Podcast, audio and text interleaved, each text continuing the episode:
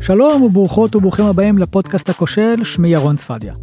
בעולם ההייטק אנחנו רגילים לראות טרנדים, תעשיות שלמות או חברות שמגיעות משום מקום ותופסות את הקשב של כולנו. כך היה עם החברה שבה עבד האורח שלנו לפרק. ניר גרצמן הקים יחד עם שותפו חנן כרמלי את The Doc Innovation Hub, קרן השקעות לסטארט-אפים בתחום הספנות, הקרן הראשונה בתחום בישראל. לפני כן עבד ניר במספר חברות וביניהן חברת Better Place. למי שלא מכיר, Better Place הייתה חברה לרכבים חשמליים, הרבה לפני עידן טסלה ושאר החברות בתחום.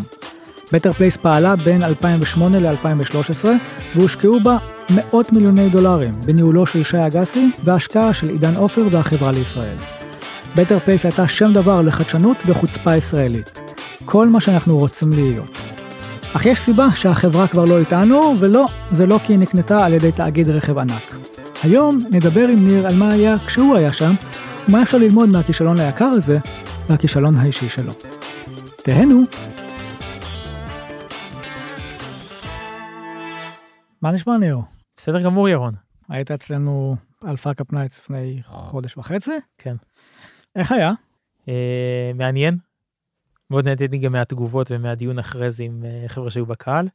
גם ברמה האישית לשתף משהו ברטרוספקט של 10 שנים ולשחרר אותו ולשמוע את ההתייחסות אליו זה היה, היה בריא. מה היו התגובות באמת? אה, דבר ראשון בגלל שזה היה מיזם מאוד גדול בטר פלייס אז uh, הרבה שאלו שאלות uh, טכניות לפעמים על איך היה מה היה מה לא עבד מה כן עבד. ודרך התשובות שעניתי לפעמים פעם ראשונה לעצמי גם בקול רם למדתי ונתן לי עוד הסתכלות על אותה תקופה. היו גם הרבה שאלות טובות על הרמה הנפשית והאישית איך זה משפיע עליי היום איך זה השפיע עליי בדרך. מה גרם לי לשתף את זה כעת. וזה גם הוביל לאותה כתבה בוויינט פלוס שקישרתם אותי אליה שקיבלתי עליה תגובות מעניינות. ו... מה זה תגובות מעניינות? תראה חלקתי את זה עם כמה חברים ומשפחה שמכירים אותי הכירו אותי תוך אותה תקופה ועדיין לקרוא את זה ככה בצורה מסודרת וגם בהפרש של כמה שנים זה היה מעניין כולל אבא שלי שהיה אפשר לקרוא לזה בכיר בהייטק ראש אגף הנדסה במוטורולה כבר בפנסיה הרבה שנים. שהתעניין לקרוא ולשמוע את זה בצורה הזאת אחרי שהוא חווה את זה כטוב הבן שלי עבד שם לפני 10 שנים וכארלי הדופטר של רכב חשמלי אי שם ב-2010. אז בוא ניכנס לסיפור אוקיי שהיה לטובת אלה שלא היו באירוע. טוב אז אנחנו חוזרים אחורה לשלהי 2010 שי אגסי אחרי מצגת מפורסמת בפורום הכלכלי העולמי בדאבוס רותם אנשים מבכירי הכלכלה והון סיכון העולמיים דרך אה, מנהיגים פוליטיים כמו ניקולה סרקוזי אז נשיא צרפת ושמעון פרס אה, לפתוח דלתות עבור בטר פלייס מיזם שבא להאיץ את מעבר העולם לתחבורה חשמלית נקייה להיגמל אה, מהתלות בנפט. הרבה הרבה buzzwords מסביב GE General Electric Capital נכנסים כמשקיעים HSBC ו-UBS כבנקי השקעות. עידן עופר לימים יושב ראש הדירקטוריון בהשקעה של 160 מיליון דולר מהחברה לישראל המון המון שמות גדולים. מייקל גרנוף מארצות הברית היום שותף מנהל בקרן מניב מוביליטי פה בתל אביב. ומתחילים לגייס כוח אדם מתחילים לבנות את התשתיות ואני דופק בדלת ודרך uh, קשרים כאלו או אחרים שזה בכלל נושא לסיפור אחר מצליח לשים שם את הרגל בדלת די בהתחלה. איפה אתה באותם ימים? Uh, באותם ימים אני בכלל uh, ברילוקיישן בסין מטפל בבנייה של אוניות עבור בעל אוניות ישראלי בשנגחאי, חי חיים אחרים לגמרי. רואה את שי אגסי מהמלון בסין, מ... זה היה Holiday Inn מיילונג בשנגחאי בלילה, במצגות ובפיצ'ים ואומר וואו זה זה משהו שבשבילו אני מוכן ורוצה לעשות שיפט, תנו לי לעזור לשנות את העולם. fast forward כמה חודשים קדימה, מצליח לשים רגל בדלת, נשכר לתפקיד של מנהל תפעול אזור מרכז, לעתיד כן כל הפריסות וכל התוכניות הם עוד שנתיים באוויר קדימה עכשיו רק מתחילים לפרוס מפתחים דברים במקביל. אני לא מחליף אף אחד תפקידים חדשים מאפס צריך להחליט מה עושים איך מתפעלים את מי סוחרים קליטת מהנדסי שירות הדרכות הכל מאפס. מהר מאוד בגלל איחורים בהקמת התחנות ובתשתיות ובפיתוח מושכים אותי להיות מנהל פרויקטים בהקמה. שוב אף אחד לא היה לפניי או לפני הקולגות שלי בתפקיד הזה. מאיך uh, מעבירים uh, טופס 4 ואישור כיבוי אש לתחנה שהיא לא תחנת דלק ואף אחד גם אם שאמור לאשר אותה לא יודע מה צריך לכתוב ומה לעשות והאתגרים התשתיתיים ואינטגרציה עם עולם תוכנה ורובוטיקה של אה, מהנדסים מעולם הרכב מרנו וניסן שמגיעים לישראל, פוגשים פעם ראשונה את עולם הבנייה והתשתיות והרגולציה הישראלי. כל הדברים האלה מתכנסים לידי אה, לוח זמנים צפוף כמו בכל סטארט-אפ בשביל להגיע כמה שיותר מהר למוצר שאפשר אה, לשווק אותו במקרה הזה רכב חשמלי סוללה מתחלפת שיאפשר לאנשים לחוות את אותה חוויה של לנסוע ברכב ממקום למקום כמה שהם רוצים בלי תלות בטווח שהיה מאוד מאוד מוגבל באותם ימים. מדברים על 2008 2010 2008 2010 רכבים חשמליים לא קיימים עדיין בשוק. אה, יש כבר טויוטה פריוס אבל רכב חשמלי בגלל מגבלת הטווח מדברים על אה, רכב שעושה 150 160 קילומטר בין טעינות לא משהו שאפשר להחליף אותו את הרכב הפרטי. זה מה שבטר פלייס אומר? ובטר פלייס מגיע עם בשורה תקשיבו אתם תיכנסו ללא מגע יד אדם למין כספומט של אה, סוללות אתם תעמדו על איזשהו נתיב רובוט מתחת לאוטו יחליף לסוללה חדשה תוך שלוש דקות תמשיכו בנסיעה חוויה יותר טובה מתחנת דלק הייטקית ותמשיכו בנסיעה אנחנו נפרוס תחנות החלפת סוללות ב-38 צמתים מרכזיים ברחבי הארץ ותוכלו לעבור לרכב חשמלי שהרבה יותר שקט יותר בטוח נוסע יותר טוב עלויות החזקה וחלפים פחות טובים כמובן גם יתרמו לסביבה. בינגו נשמע מדהים, יש מרכז הדגמה בגלילות, אנשים מהארץ ומהעולם מגיעים לשם באופן קבוע, המון הייפ בעולם ההייטק העולמי גם, פורסים את הפתרון בישראל ובדנמרק, שתי המדינות שנבחרו, חברת החשמל של דנמרק מובילה באנרגיות מתחדשות באירופה, היא אחת המשקיעות והשותפות לפרויקט, ומתחילים במסע. 750 מיליון דולר seed round לפני לקוח ראשון ואפשר לקרוא לזה סטארט-אפ חיה מאוד מאוד מוזרה סטארט-אפ שמומן ב-750 מיליון דולר לפני הלקוח הראשון. אין הרבה כאלו. אני לא חושב שאפשר אולי לספור על יד אחת בכדור הארץ אי פעם אה, מיזמים כאלה. ויוצאים לדרך. שנה, שנה וקצת לתוך המהלך, אה, הסדקים בארמון מתחילים אה, להתבהר, בעיקר פנימית לפני שעוד יודעים עליהם בחוץ. הרכב שרנו מבטיחה שנוסע 160 קילומטר, מתברר שעם חלונות סגורים, ללא מזגן, ב-90 קמ"ש בכביש ישר בצרפת, אה, בלי האטות, בלי האצות, בתנאים אמיתיים, חימום, קירור, אנשים בפנים, עליות, ירידות, אף רכב בניסויים בארץ לא עובר את ה-100 קילומטר. בעיה גדולה מאוד באתגר הכי משמעותי של הרכבים החשמליים עד היום. אפשר לעשות באותו רגע הרבה דברים, מתכנון פריסת התחנות, עד ה-go to market למי הולכים, איזה קהל יעד, מה עושים עם זה, מה עושים מבחינת ה timeline על מנת להתכוון לאותו שיפור בטווח שאולי יהיה, ובפועל גם קרה מבחינת שיפור חיי הסוללה בשנתיים ושלוש אחרי זה. הדבר הכי גרוע לעשות זה להתעלם וללכת full steam ahead עם התוכנית המקורית. לצערי זאת הייתה המציאות בבטר פלייס. היה אפילו הסתרה ואיסור לדבר על הבעיה הזאת. לימים באותו חדר ש... שהייתי כשה... הדבר הזה כבר התפוצץ בפנים כי התחילו מכירות ואנשים התלוננו וכמובן שההבטחה לא מומשה. אז אה, שי אגסי אמר לנו בחדר אה, פנימי שהוא עבד על קרלוס גוסן שיש לו מדינה כ beta site וקרלוס גוסן עבד עליו שיש לו מכונית וכל אחד קצת טיפה את המציאות ועם זה צריך לעבוד. קרלוס גוסן זה, זה המנכ"ל המשותף של רנו ניסן באותם ימים. תעשו עליו גוגל בהזדמנות אה, התפרסם בזה שלפני כמה שנים ברח מהכלא ביפן בתוך תיבת צ'לו, סיפור מהסרטים. נכון, נכון, נכון. סיפור נכון. מהסרטים, אחד מהמנכ"לים הבולטים בתעשיית הרכב העולמית, עשיר מופלג, הוא אשם, אף אחד לא יודע אשם או לא בכל מיני דברים של corporate governance. פרנו ניסה נעצר ביפן והוברח מהכלא במבצע שכנראה עלה הרבה מיליוני דולרים ולקוח מהסרטים. אין ספק שכל מי שמעורב בבטר פלייס מכל כיוון הוא בן אדם הגיע אה, רחוק הגיע רחוק כן. חייב אה, להתמקד על הנקודה הזו, ואנחנו נפרק את זה עוד רגע, אבל okay. אתה אוקיי. מציין את תרבות ההשתקה, מאיפה זה הגיע? זה קשה להעריך בן אדם ספציפי או משהו מסוים, אני יכול להגיד היום ברטרוספקט של אה, שנים, שעבדתי בחברות אחרות שראיתי תרבות ניהולית אחרת, גם סטארט-אפ וגם American corporate וגם היום ביזמות שהיום אני זוכה להשקיע בסטארט-אפים ולשבת בישיבות בורד שלהם, ששקיפות ופתיחות זה ערך אה, מוביל. בבטר פלייס הייתה הנהלה בכירה, שכולה הורכבה מבוגרי אה, צה"ל, שירות הביטחון בכירים, אה, ראשי אגף בינוי במשרד הביטחון, צה"ל וכו'.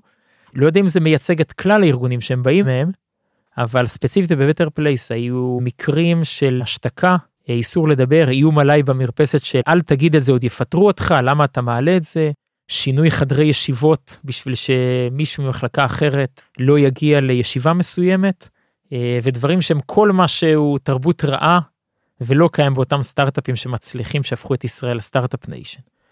כמו בכל סטארט-אפ היו המון המון בעיות. עם 750 מיליון דולר בקופה, אפשר להגיע ליום ההשקה עם 200 מיליון דולר בקופה והחלטות מה לעשות ופיבוטים בדרך. אה, להגיע למצב שמגיעים עם אפס קאש בקופה ו-40 מיליון דולר התחייבויות וחובות לספקים ולעובדים ולפשיטת רגל. ובדרך בשנתיים האחרונות ארבעה מנהלי כספים CFOs מתחלפים כמו גרביים זה, זה סימן להכל פרט לתרבות אה, ניהולית אה, בריאה. יכול להיות שהייתה תרבות ניהולית מצוינת מנהלים הרבה יותר טובים ועדיין החברה מסיבות של טיימינג לא הייתה מצליחה. נכון. עדיין אה, יש חברות שנסגרות בלי חובות לעובדים ולספקים אה, ובצורה אחרת לגמרי מבחינת ההתנהלות שלה.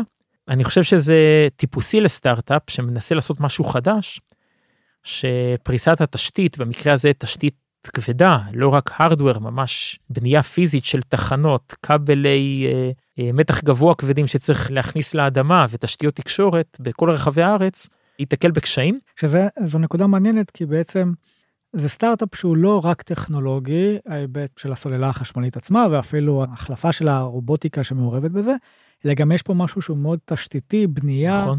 הכי כאילו אולד פשן נכון. שיש, והשילוב הזה הוא גם יוצר מתח. הוא מאוד אה, מאוד מאתגר בואו נחשוב על מודו של דוב מורן שניסה לעשות אה, חברה טכנולוגית חדשה בתחום ההארדוור של הטלפונים שצריך אה, ליצור פלטפורמה חדשה, לייצר אותה, למכור אותה. אה, בישראל אנחנו טובים בהרבה דברים, אני לא חושב שישראל היא מעצמת ייצור עולמית, mm-hmm. והיא לא מצטיינת בתשתיות ברמה עולמית. וליצור בישראל חברה שאמורה להיות אה, סוג של מגדלור לעולם, שמעורב בתוכו גם אה, תשתיות, רובוטיקה, שיתוף פעולה עם תעשיית הרכב העולמית, אה, ותוכנה, ו... רגולציה. מול ורגולציה זה אתגר כשהוא לעצמו מאוד מאוד קשה שיכול להיות שהיינו כולנו נכשלים בו גם אם הכל היה נכון מבחינה ניהולית אבל uh, כיום אי אפשר להגיד אם בהיסטוריה. לא הגענו לנקודה הזאת שבכלל אפשר לשנות דברים כי uh, במעלה הדרך עד אותו בום גדול שגם התפוצץ בחדשות ששנה לפני אה, קריסת החברה ופשיטת הרגל הדירקטוריון הדיח את שי אגסי. הביא אה, מנכ"ל שניהל פעילות קטנה של Better Place באוסטרליה, Evan Thornley, אה, לשטוף את הכל ולנקות את החברה. משפחת עופר, עידן עופר בתור הבעלים ומהדירקטוריון, הביא שתי יועצות חיצוניות להבראת חברות, אה, לעבור בחברה, ופיטרו, הפכו מ-600 איש חברה ל-150 איש, שבשנה האחרונה תפקדה במפתיע הרבה הרבה יותר טוב עם אותם 150 איש, קצת אומר על גבי ה management overhead העצום שהיה בחברה לפני. אה, ובאמת ב retrospect של, אה, של שנים קדימה, היו המון המון דברים והמון המון שינויים שהיה אפשר לעשות הרבה יותר מוקדם אם הם היו מגיעים למקבלי החלטות. זה גם החוץ של ה board לרדת למטה ולבדוק מה קורה בשטח. אבל גם מלמטה המנהלים לא דיווחו אמת ל board וזה שהיו ישיבות board בלונדון שהציגו להם גאנטים ששוב ושוב נדחו והמשיכו לעשות ישיבות בורד במגדל השן בלי לרדת לשטח ולהסתכל ולקחת אוטו ולנהוג ולראות איך נראית תחנה ואיך נראית בעין אותה תחנה שמצלמים אותה יפה למצגת ואם זה עובד או לא עובד. זה דברים שלקחתי איתי מאוד מאוד קדימה מבחינת רמת המעורבות של משקיעים בחברה. שלך היום. שלי היום, של המחויבות שלנו בתור מי שמייצגים משקיעים בחברה. ובכלל של integrity למה זה לנהל עסק ואיך להתייחס לכסף של אחרים. היו המון ניתוחים על למה Better Place כחברה נכשלה. ראיתי איזו כתבה שמתארת אה, מספר נקודות, ביניהן הבזבזנות ש... שהייתה שם, נותנים כל מיני דוגמאות של המשרד שהיה בעזריאלי, או היה איזשהו משרד מפואר אה, שהוא לא היה איפה שה-R&D, והמשרד הזה היה ברמת אה, פאר הרבה יותר גדולה משל המשרדים. אז בזבזנות מצד אחד, התרבות הניהולית שתיארת מצד שני, כמו גם, גם דברים שאמרת, השוק כנראה היה קצת, זאת אומרת, הבשורה שהבאתם והיכולת הטכנולוגית אולי הייתה קצת מוקדמת מדי לשוק. נכון. היה המון הייפ, אה, המון הבטחות, גם של שי, אה, שי אגסי וגם של אחרים, על, על הסיפור הזה שיצרו מציאות שאולי מראש לא היה אפשר כל כך לעמוד בה. וזה כחברה. בתוך זה אתה שבאת עם המוטיבציה לעשות את הדברים האלו, אתה נכנס לחברה, איך אתה מתנהל בתוך הדבר הזה בפן הכי אישי? אה, אני אגיד שני דברים, דבר ראשון ברמה האישית, ההתחלה הייתה בעננים. אה, זה היה שיח בין החברים, בין המשפחה, אה, שנכנסתי לדבר הזה, הבשורה, הדבר הגדול הבא, כתבות בטק-ראנץ', פאסט קומפני, על איזה, איזה מקום זה להיות פה בעולם הטכנולוגיה הגלובלי. ובואו נסתכל גם על הטוב ברמה הוליסטית. עשרות רבות מהחברים והקולגות שלי שם עשו חייל בשנים אחרי זה בתעשיית האוטוטק המתפוצצת בישראל. ישראל נהפכה להיות super power בעולם הרכב והטכנולוגיה לרכב הבינלאומי. זאת אומרת זה היה סוג של incubator. וזה היה סוג של incubator, זה המון המון אנשים טכנולוגיים מאוד מאוד מוכשרים, שדרך Better Place פגשו את עולם הרכב. אה, אני חושב ש... קשה להפריז ברמת ההשפעה על זה, על ההצלחה של ישראל להיות אה, מעצמת אה, סטארט-אפים וטכנולוגיה לתחום בשנים הבאות, ולכן אה, זה לא כסף שסתם אה, ירד לטמיון. כמות האנשים שנחשפו דרך זה לתעשיית הרכב הגלובלית מאוד מאוד חשובה. אה, אף אחד מתעשיית הרכב לא בא לפה בגלל שהיה פה סוסיתא בחיפה בשנות ה-60, אלא בגלל טכנולוגיה. וטכנולוגים שהכירו את עולם הרכב היו בתקופה שאנחנו עבדנו שם ב Better Place, rest in peace ו Mobileye שכבר היו בסביבה. עכשיו אוטוטוקס התחילו ב-2012 לא היה מושג כזה אוטוטק כן. ב ecosystem של ה-VCs וההייטק בישראל. אז זה דבר ראשון ברמה היותר הוליסטית. ברמה הפנימית, ברגע שהתגלו אתגרים והיה צריך לטפל בהם ולפעול ולשנות אסטרטגיה ולהעלות דברים למעלה, לקח לי זמן, בתור מי שעסוק ביום יום to deliver the next phase, את המקום הבא, לזכור את האנשים, להגדיר את ההגדרות הבאות, המון המון עבודות שאנחנו באמת יצרנו יש מאין, של להקים את החברה הזאת, אז לקח זמן להבין, אחד, שדברים לא מתקדמים כמו שצריך, שתיים, שדברים שלא מתקדמים, לא תמיד לא מתקדמים כי אין את הטכנולוגיה או אין את האפשרות, אלא כי עוצרים מידע מלהגיע למעלה, כי בונים על זה שמחלקה אחרת will not deliver, אז בוא נסתיר את זה שאנחנו not deliver בזמן, וכל מיני דברים כאלה. ואז כשאני מתחיל לדבר אה, ומוצא כמה שותפים שהם חברים טובים עד היום לדרך של בוא בוא נציב את הדברים למעלה. אז אה, פתאום לפעמים מנהלים בכירים או לפעמים הבוסים הישירים שלי אומרים כל מיני משפטים ככה במרפסת עם קפה במשרדים ב, ברחוב עמל בראש העין של אה, אל תגיד את זה עוד יפטרו אותך אתה לא יכול להגיד את הדברים האלה והתשובה שלי הייתה טוב אני אז יפטרו אותי אבל לפחות ניסיתי אני, אני, אני לא פוגע פה באף אחד, אני לא אומר לאף אחד אה, לעשות משהו לא חוקי, להפך. ואם מישהו מציג משהו שהוא לא תקין במצגת או להנהלה, אז או שהוא לא יודע ומשקרים לו, או שהוא יודע והוא משקר למעלה, לא משנה מה הסיבה. אני בתור מי שמנהל את הפרויקט בשטח, המחויבות שלי זה כלפי בעלי המניות והנהלת החברה למעלה, וצריך להציף את הדברים האלה. ואם מישהו לא יודע את זה, אני צריך לדאוג שהוא ידע את זה. וללא ספק לקח לי הרבה זמן לי ולחבריי להגיע למצב שהדברים עברו למקבלי ההחלטות. איך העברתם את זה למקבלי ההחלטות? דבר ראשון מדברים ומעלים את זה ומבקשים להיכנס לישיבות וחוטפים צעקות על הראש מלמה אתה אומר את זה ואיפה ואז מסביבים את המחשב ומראים הנה תראו איזה תמונה חיה מתחנת מגידו ויש פה מצגת שמראה פה תמונה אחרת. אז מקבלים כל מיני תשובות כמו זה זה להמחשה בלבד וכו' ושואלים שאלות מאוד מאוד אה, ממוקדות מצאתי את עצמי יושב במרפסת שואל יש פה מצגת שאומרת 14 תחנות בינואר עובדות מקבלות מכוניות מחליפות שקרקע באזור מרכז האם האם שי אגסי ודירקטוריון יודע שהדבר הזה לא נכון שלא תהיה תחנה אחת עובדת ב-QA שמסוגלת לקבל לקוחות קצה בינואר הקרוב. ואני יודע את זה כי אני יודע מהשטח. כי אני יודע שיש שני צוותי אינטגרציה שיכולים להביא תחנה ממצב של אה, מכונה באדמה לפול פעילות ואלף סייקלים עובדים תקין. אין את הכוח ואת היכולת להכשיר עוד אנשים בזמן הזה. החלקים פיזית אני יודע ומדברים עם האנשים בשרשרת אספקה ויודע פיזית שחלק מהחלקים לתחנות האלה יגיעו במהלך פברואר עד אפריל אז כנראה שהתחנות לא יהיו מוכנות בינואר וזאת עובדה פיזית ובלתי ניתנת לשינוי. לא משנה כמה כמה כסף ישפכו באותו רגע. אה, ויש שזה חובתי להעלות את זה והחדשות הטובות לפחות הם שהיו מספיק כמוני שדאגו אה, לעשות את זה והיו הרבה שינויים מאוד מאוד חדים בשנה האחרונה של החברה בניסיון כן אה, למסור את הפתרון עובד. אה, בדיעבד כנראה שזה היה מאוחר מדי. איפה הפן הנפשי שלך? אתה מתאר פה באמת את המאבק של להציף את האמת, אבל יש פה איזשהו החלום ושברו.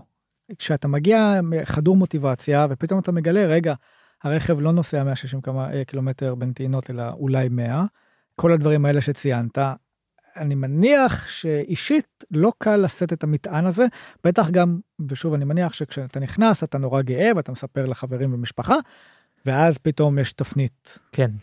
מי שזוכר מאותה תקופה בשנה שנתיים האחרונות כבר הכתבות הפכו מלהיות מפרגנות למאוד מאוד אה, מבקרות על אה, מה בעצם קורה שם אנשים בכירים שעוזבים מה בעצם יהיה המחיר מה בעצם יהיו הביצועים של הרכב ואז כמובן השיחות אה, בברים עם החברים והמשפחה הופכים להיות הרבה יותר אה, מבקרות ושואלות שאלות קשות.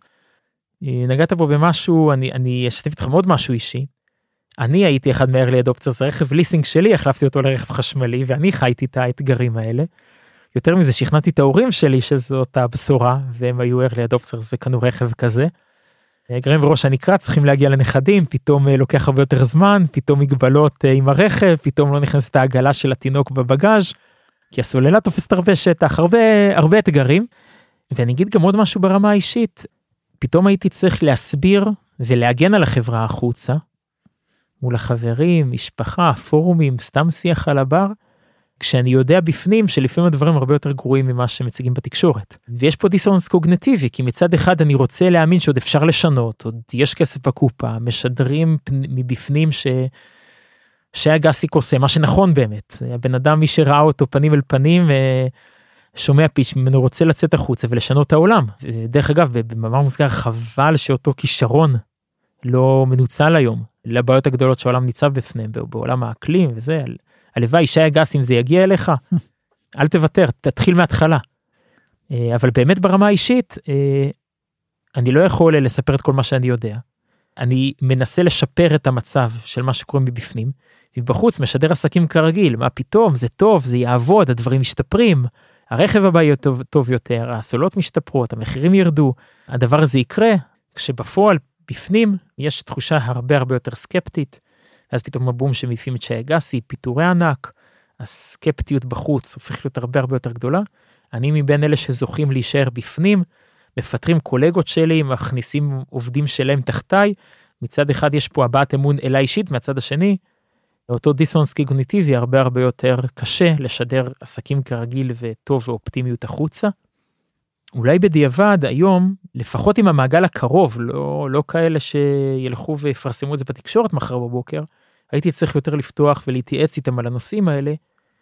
אה, כי אין לי ספק שזה נכון אליי ולקולגות שלי היינו יכולים לעשות דברים שונה עשינו טעויות ב, ב, ב, בהקמה בתפעול באנשים שאליהם פנינו שאיתם עבדנו. והדבר היחיד שיש לנו זה נטוורק של אנשים מאוד מאוד חכמים פה באקוסיסטם להתייעץ איתם. אה, ואני חושב שלא עשינו את זה מספיק בזמן אמת תוך כדי אה, שחווינו את אותם קשיים. אה, במסירה, בלו"ז, באתגרים הטכנולוגיים, באינטגרציה ש, שחווינו תוך חשב... כדי הקמה של Better Place. חשבת לעזוב? תראה, בפועל אני עזבתי חודשיים לפני ההודעה על פשיטת הרגל, אבל עזבתי כשידעתי שהכסף עומד להיגמר בקופה, שיש כל מיני משקיעים שמסתובבים בתחנות, סינים ואחרים, ומנסים לשדר בפנים שעסקים כרגיל, אבל ראיתי בעיניים את חלק מהביקורים האלה, אז גם למדתי, לא ידעתי לפני, אתה מתעסק כל כך הרבה באתגרים ביום יום, כל כך הרבה בדברים, אז גם למדתי דרך חברים במשרד, אני הייתי יותר איש שטח, שאלן גלמן, מנכ"ל בזק לשעבר, ואיש מאוד מרשים, ששמעתי אותו במשרד, הוא כבר ה-CFO הרביעי שמגיע ועוזב בשנתיים האחרונות, אז כבר אני מבין שהתקלות והבעיות הן כנראה לא נגמרות רק בעולם התפעול וההקמה, אלא גם ברמת ההתנהלות הכספית של החברה. ואני מבין שכנראה החלום לא הולך להתממש או הולך לתפוס כיוון מאוד מאוד שונה.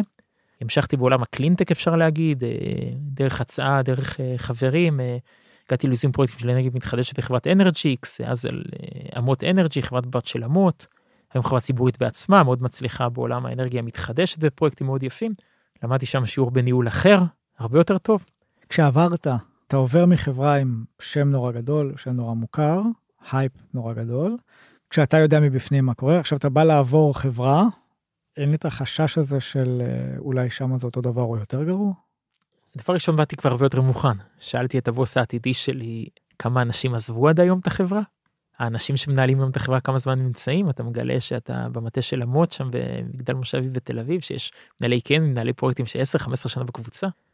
אה, שהמנכ"ל של, אה, של הקבוצה שאני עובר אליה היה עוזר של ראש הקבוצה במשך שנים. אתה מדבר עם האנשים ששם מתרשם ואז מרגיש שמשהו קצת שונה גם בדיעבד אני יכול להגיד שגם כמה חודשים פנימה חוויתי תיקון באיך נראה ניהול טוב במשק הישראלי ונקי ושמציף בעיות ופותר אותם ולא מסתיר אותם. ואותו דבר גם חוויתי אחרי זה גם עבדתי למדתי מנהל עסקים אז עברתי לצד של מכירות. דרך חבר מה, מהמילואים קיבלתי את ההזדמנות לעולם של ניהול המכירות בג'ונסון ג'ונסון קורפרט אמריקאי. הקצה השני של עולם הסטארט-אפים.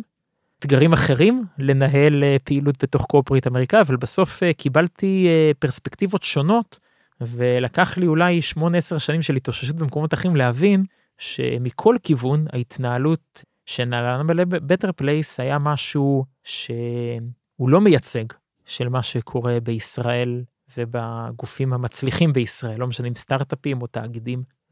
אבל איפה פה אתה לוקח את הפן נקרא לזה הכישלון האישי. בוא נדבר משהו הרבה יותר אה, פרקטי יכול להיות שהייתי צריך לעזוב שנתיים לפני. אה, נכבשתי ברעיון לא לבד גם אה, ניקולס סרקוזי ושמעון פרס נכבשו ברעיון כן, וקרלוס גואן אבל רבים וטובים כן אבל רבים וטובים לידי ועדיין נכבשתי ברעיון והרבה שאלו אותי שאלות קשות שלא היו להם תשובות טובות. ביטלתי אותם או הסברתי לעצמי שהתשובות שאני מקבל בפנים מספיק טובות. היו סימנים מתרימים מבחינת בכלל הטיימינג העולמי גם אם היינו עושים דברים הרבה יותר טוב. שאולי החברה לא הייתה mm-hmm. מצליחה. ויכול להיות שמבחינת איפה להשקיע את המאמצים האישיים שלי ואיפה ללמוד אפילו ברמת גם אם החברה הייתה מצליחה אבל התרבות הארגונית הייתה רעילה. אז מבחינת ההתפתחות האישית שלי יכול להיות ששנתיים לפני הייתי צריך לעזוב. שוב אי אפשר לבחון את זה עכשיו אבל אה, דבר ראשון רמה אחת של כישלון יכול להיות שנכשלתי בזה. ודבר שני אני חושב שבעצם זה שלא שיתפתי ודיברתי על זה מספיק בעשר שנים מאז. זה גם סוג של אה, של כישלון אישי זאת אומרת יש הרבה לקחים שלמדתי משם. שהם נשארו ברמה של אה, לשבת על בירה עם החברים משם שהיו איתי בתוך ה... בתוך הקלחת. והרבה פעמים פנו אליי כל מיני אה, חברים או אנשים מבחוץ וביקשו ממני לדבר על זה. והיה כתבה מאוד גדולה בפאסט קומפני בעולם שנה שנתיים אחרי הקריסה מאוד מאוד מקיפה. שיתפתי יותר מאוחר גם בפרופיל ה LinkedIn שלי נמצאת על התקופה שלי ב Better Place. ולא שיתפתי עם פעולה עם אף אחד מה, מההזדמנויות האלה זאת אומרת יכול להיות שהייתי יכול לשתף בכישלונות במה שלמדתי אחרים חברים מעגלים יותר רחבים גם שנתיים אחרי וחמש שנים אחרי ולא עשיתי את זה. כי פחדת לגעת בזה כי זה פצע? לא לא הרגשתי מוכן לא לא היה לי את הפרספקטיבה שלמדתי מה זה ניהול אחר הצלחות אחרות. וכמו שאמרת אוקיי אז הייתי מנהל אבל אה, לא מנהל בכיר הייתי מנהל דרג ביניים. ניהלתי דרג שטח, ניהלתי פרויקטים, מעליי היו מנהלי חטיבות ומעליהם את ההנהלה. זה לא שהייתי שם ב, בישיבות הנהלה השבועיות, לפעמים הצגתי שם. אה, וגם לא הרגשתי ש... שאני והמקום שלי ומה שהגעתי אליו עד היום בחיים, שהמוניטין שלי מאפשר בכלל לדבר החוצה את, את הדברים שרציתי לשתף. בוא נעשה שנייה fast forward להיום, דה דוק, היום אתה משקיע. כן. מה מהדברים האלו שאתה תיארת מהחוויות שעברת ב Better Place אתה מטמיע או עושה הפוך? אז דבר ראשון שקיפות שקיפות קיצונית פנימית והחוצה מול המשקיעים ומול החברות שאנחנו משקיעים בהם פרט לסוכן מוסד מעבר לקווי האויב. אה, דברים צריכים להיות שקופים אם משהו לא רוצים לדבר עליו או מסתירים אותו או לא נעים לדבר עליו בישיבת בורד או בתוך חברה כנראה שצריך לדבר עליו ולפתור אותו כמה שיותר מהר כי צריך לעבוד על זה. אה, זה נכון אני תוהה איך, איך מייצרים אווירה שכזו. כי הרי אתה כ, כ, כמשקיע תמיד יש איזשהו פער נכון? תמיד יש פער בין המצגת והחלום נכון, למציאות. נכון. איפה עובר הקו הזה. בליצור אטמוספירה ביחד עם המשקיעים האחרים ביחד עם ההנהלה שלטעות זה משהו שכולנו עושים מכל הצדדים שאנחנו מציפים משהו ויש בו גם אשמים. זה לא בשביל לערוף ראש של מישהו אלא זה בשביל לקחת את מה שכולנו למדנו מזה ולהשתפר החל ממחר בבוקר. ומי שלמד את זה על בשרו כנראה הוא הטוב ביותר לעשות את זה טוב יותר בסיבוב הבא. ג'ף בזוס מדבר על זה הרבה וסטיב זוב שמנהלים טובים זה אלה שמשנים את דעתם. זה אלה שבהתאם למידע חדש עושים דברים שונים. אני היום שואל את עצמי במסגרת ההחלטות של אה, ראשון בינואר וכאלה תמיד איזה דברים שלמדתי או שחשבתי בשנה האחרונה שיניתי בעקבות מידע חדש. ואם לא מצאתי כאלה אז אני מחפש עוד. ואני מקווה שזה הופך אותי היום למשקיע ולמנהל טוב יותר אם אני עושה נכון. בתור משקיע early stage בימי הראשונים של הקרן השנייה שלנו, בואו ניפגש פה עוד חמש שנים לראות איך ייראו האקסיטים, ה-M&A וה-IPO בפורטפוליו שלנו. אני מכניס לנו ליומן. אתה חושב ש... אתה יודע, יש המון uh, בועות, ואנחנו בשנת 2023, יכול להיות שאנחנו ב... במהלכה של פיצוץ של אחת, כן? בדיוק. אתה חושב שזה גורם מתקן? אתה חושב שזה גורם אינהרנטי בתעשייה הזו של venture capital, שמראש אתה הולך על משהו שהוא קצת החלום, ונכון, יש לאקסטרים, אולי מה שהיה ב Better Place זה האקסטרים הזה, אה, אבל זה לא חלק מהעניין הזה, ואז איך אתה יוצר איזשהו balance כדי לא לגדוע את החלום בעודו מוקדם? תראה, תעשיית ההון סיכון היא תעשיית חלום. נכון. זה פקט. והאיזון הזה בין אה, לא לנהות אחרי חלומות ולמצוא את עצמך אה, משקיע בדברים שה unit economics לא כל כך עובד, עיין ערך אה, FTX ובורסות קריפטו שהתפוצצו עכשיו, או WeWork בכמה שנים אחורה, וחברות שמתנהלות בלי בורד ובלי שקיפות לתוך התהליכים. והסתנוורות אחרי פאונדרים מאוד מאוד אה, הייתה איזה כתבה כריזמטיים זה מאוד קשה. כן הייתה איזה כתבה בבלומברג אני חושב לא זוכר איפה שאמרה מתי משקיעים יפסיקו לנהור אחרי פאונדר מאוד כריזמטי. אה, אבל זה חלק מהעניין בסוף אה, אתה יודע. צריך להיות איזון. נכון אבל תבוא ותגיד אילון מאסק עד לפני שנה היה נחשב גאון שצריך ללכת עליו והיום אפס קצת פחות. איקרוס שטס קרוב לשמש עדיין מי שגיבה אותו ב Tesla אה, וב SpaceX כנראה עשה החלטות מאוד מאוד טובות mm-hmm. וגם ב PayPal אני חושב שנדירים היזמים בהיסטוריה האנושית עם כזה track record. ההפרש הזה בין אה, יזם מאוד מאוד כריזמטי לבין משהו שהוא לפעמים מגיע לבס... עד, עד, עד, עד קרוב ל fraud כמו עם אה, Theranos למשל אני חושב שהקו עובר ב, בישיבות board ושקיפות למשקיעים זאת אומרת כמה שהיזם לא כריזמטי אם אין ישיבת board, אם הוא לא צריך לדווח, לא צריך לתקשורת החוצה. למשקיעים ששמו בו את הכסף בצורה שקופה של מה שקורה שם, ויכול להסתובב שם, אז אנחנו בבעיה. ו Theranos זה בדיוק הדוגמה שצוות המייסד והמייסדת התגאתה שאין שם VCs, כנראה ש-VC שעושה due diligence היה מאוד מהר מגלה את הבלוף. פה עובר אני חושב הקו שהמזל של כולנו בתור, אה, אני מדבר על משקיעי הון סיכון מהדור שלי, שכבר אנחנו על כתפי ענקים שגם היו להם הצלחות וגם נכשלו. בנצ'מרק קפיטל קרן נאמבר כן. 1 בכדור הארץ יש להם גם את ההצלחות ללמוד מהם וגם את הכישלונות כמו לגבות כאלה שהתפוצצו אחרי. ואז אם מקשיבים לפודקאסט של השותפים שם שמשתפים באופן גלוי גם על הצלחות וגם על כישלונות זה מאפשר לנו לעשות העבודה היום טוב יותר. להתקשר למה שאנחנו עושים עכשיו אז פשוט לדבר ולחלוק את, ה... את האתגרים האלה כמה שיותר החוצה ולקבל פידבק עליהם מאנשים אחרים שנמצאים בתהליכים האלה עכשיו. מה אתה היית אומר היום למישהו שנמצא בסיטואציה דומה כמו Better Place או אני לא חושב שיש הרבה חברות בסדר גודל של Better Place אבל בקטן יותר. אה, גם עם ההתמודדות האישית הזאת בין החלון ושברו והסובבים והכותרות והמשכורת אולי והתנאים איך היית אומר להתנהל בתוך זה. דבר ראשון לשתף את המעגלים הקרובים לא אומר ללכת מחר בבוקר למשהו שמפרסם בעיתון אבל לשתף תייעץ אה, ולנסות להציף כמה שיותר דברים למעלה עד מצב שבו אה, להגיד בסוף אה, הכל אישי זה בסוף b2b b2c הכל נורא נחמד זה בסוף human to human זה אנשים עובדים מוכרים עושים.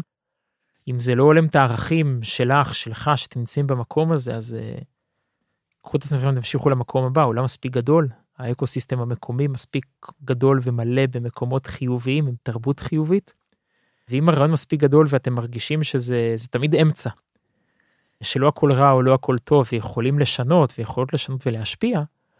אז אה, לנסות כי אז גם הריוורד אה, יכול להיות גדול ציינת מיזמים גדולים יש גם בישראל היום מיזמים מיזמים ענקיים שגובו בהמון כסף שנסגרו Magic Leap ואחרים. Mm-hmm. אני בטוח שאנשים חווים את מה שאני חוויתי ב Better Place day in day out במיזמים האלה והדבר היחיד שאני יכול להגיד זה תדברו ותשתפו.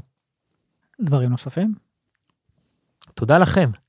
תודה לך ירון ולצוות אה, ליאור תומר כולם שהדר זקס ש... שבזכותכם אה, גם אה, יוצא לי יותר לדבר ולחלוק את זה זה גם תהליך בריא לי אישית אני חושב קדימה. תודה רבה ניר גרצמן. תודה תודה. נשמע לי שבפן של החברה, הרצון לרוץ מהר מהר ולהספיק מעבר לכל תחזית הגיונית, הוא אחד הגורמים שיכולים להביא לכישלון שכזה, שקיבל ביטוי, אולי במקרה של Better Place, בתרבות ניהולית קשה. ומצד שני, בכל הקשור לפן האישי של ניר, שלנו, דווקא הצורך לדבר על הדברים מהר יותר, הוא זה שיכול לעזור לנו להתמודד, גם תוך כדי הדבר הזה. אנחנו לא לבד בדברים האלו, באתגרים האלו שאנחנו מתמודדים איתם. ושיח עם אחרים כבר לבדו יכול להוריד 50 קילו מהלב. אז תודה רבה לניר גרצמן על הפתיחות והשיח, תודה לגוגל קמפוס על האירוח, ותודה לכן ולכם על ההאזנה. ואם תרצו להעיר או להעיר לנו, אנחנו תמיד שמחים לשמוע בפייסבוק, אינסטגרם או במייל. אתן ואתן גם מוזמנות ומוזמנים לעקוב אחרינו באפליקציות הפודקאסטים ובכלל, אבל לא בקטע קריפי, ואנחנו ניפגש בפרק הבא. ביי!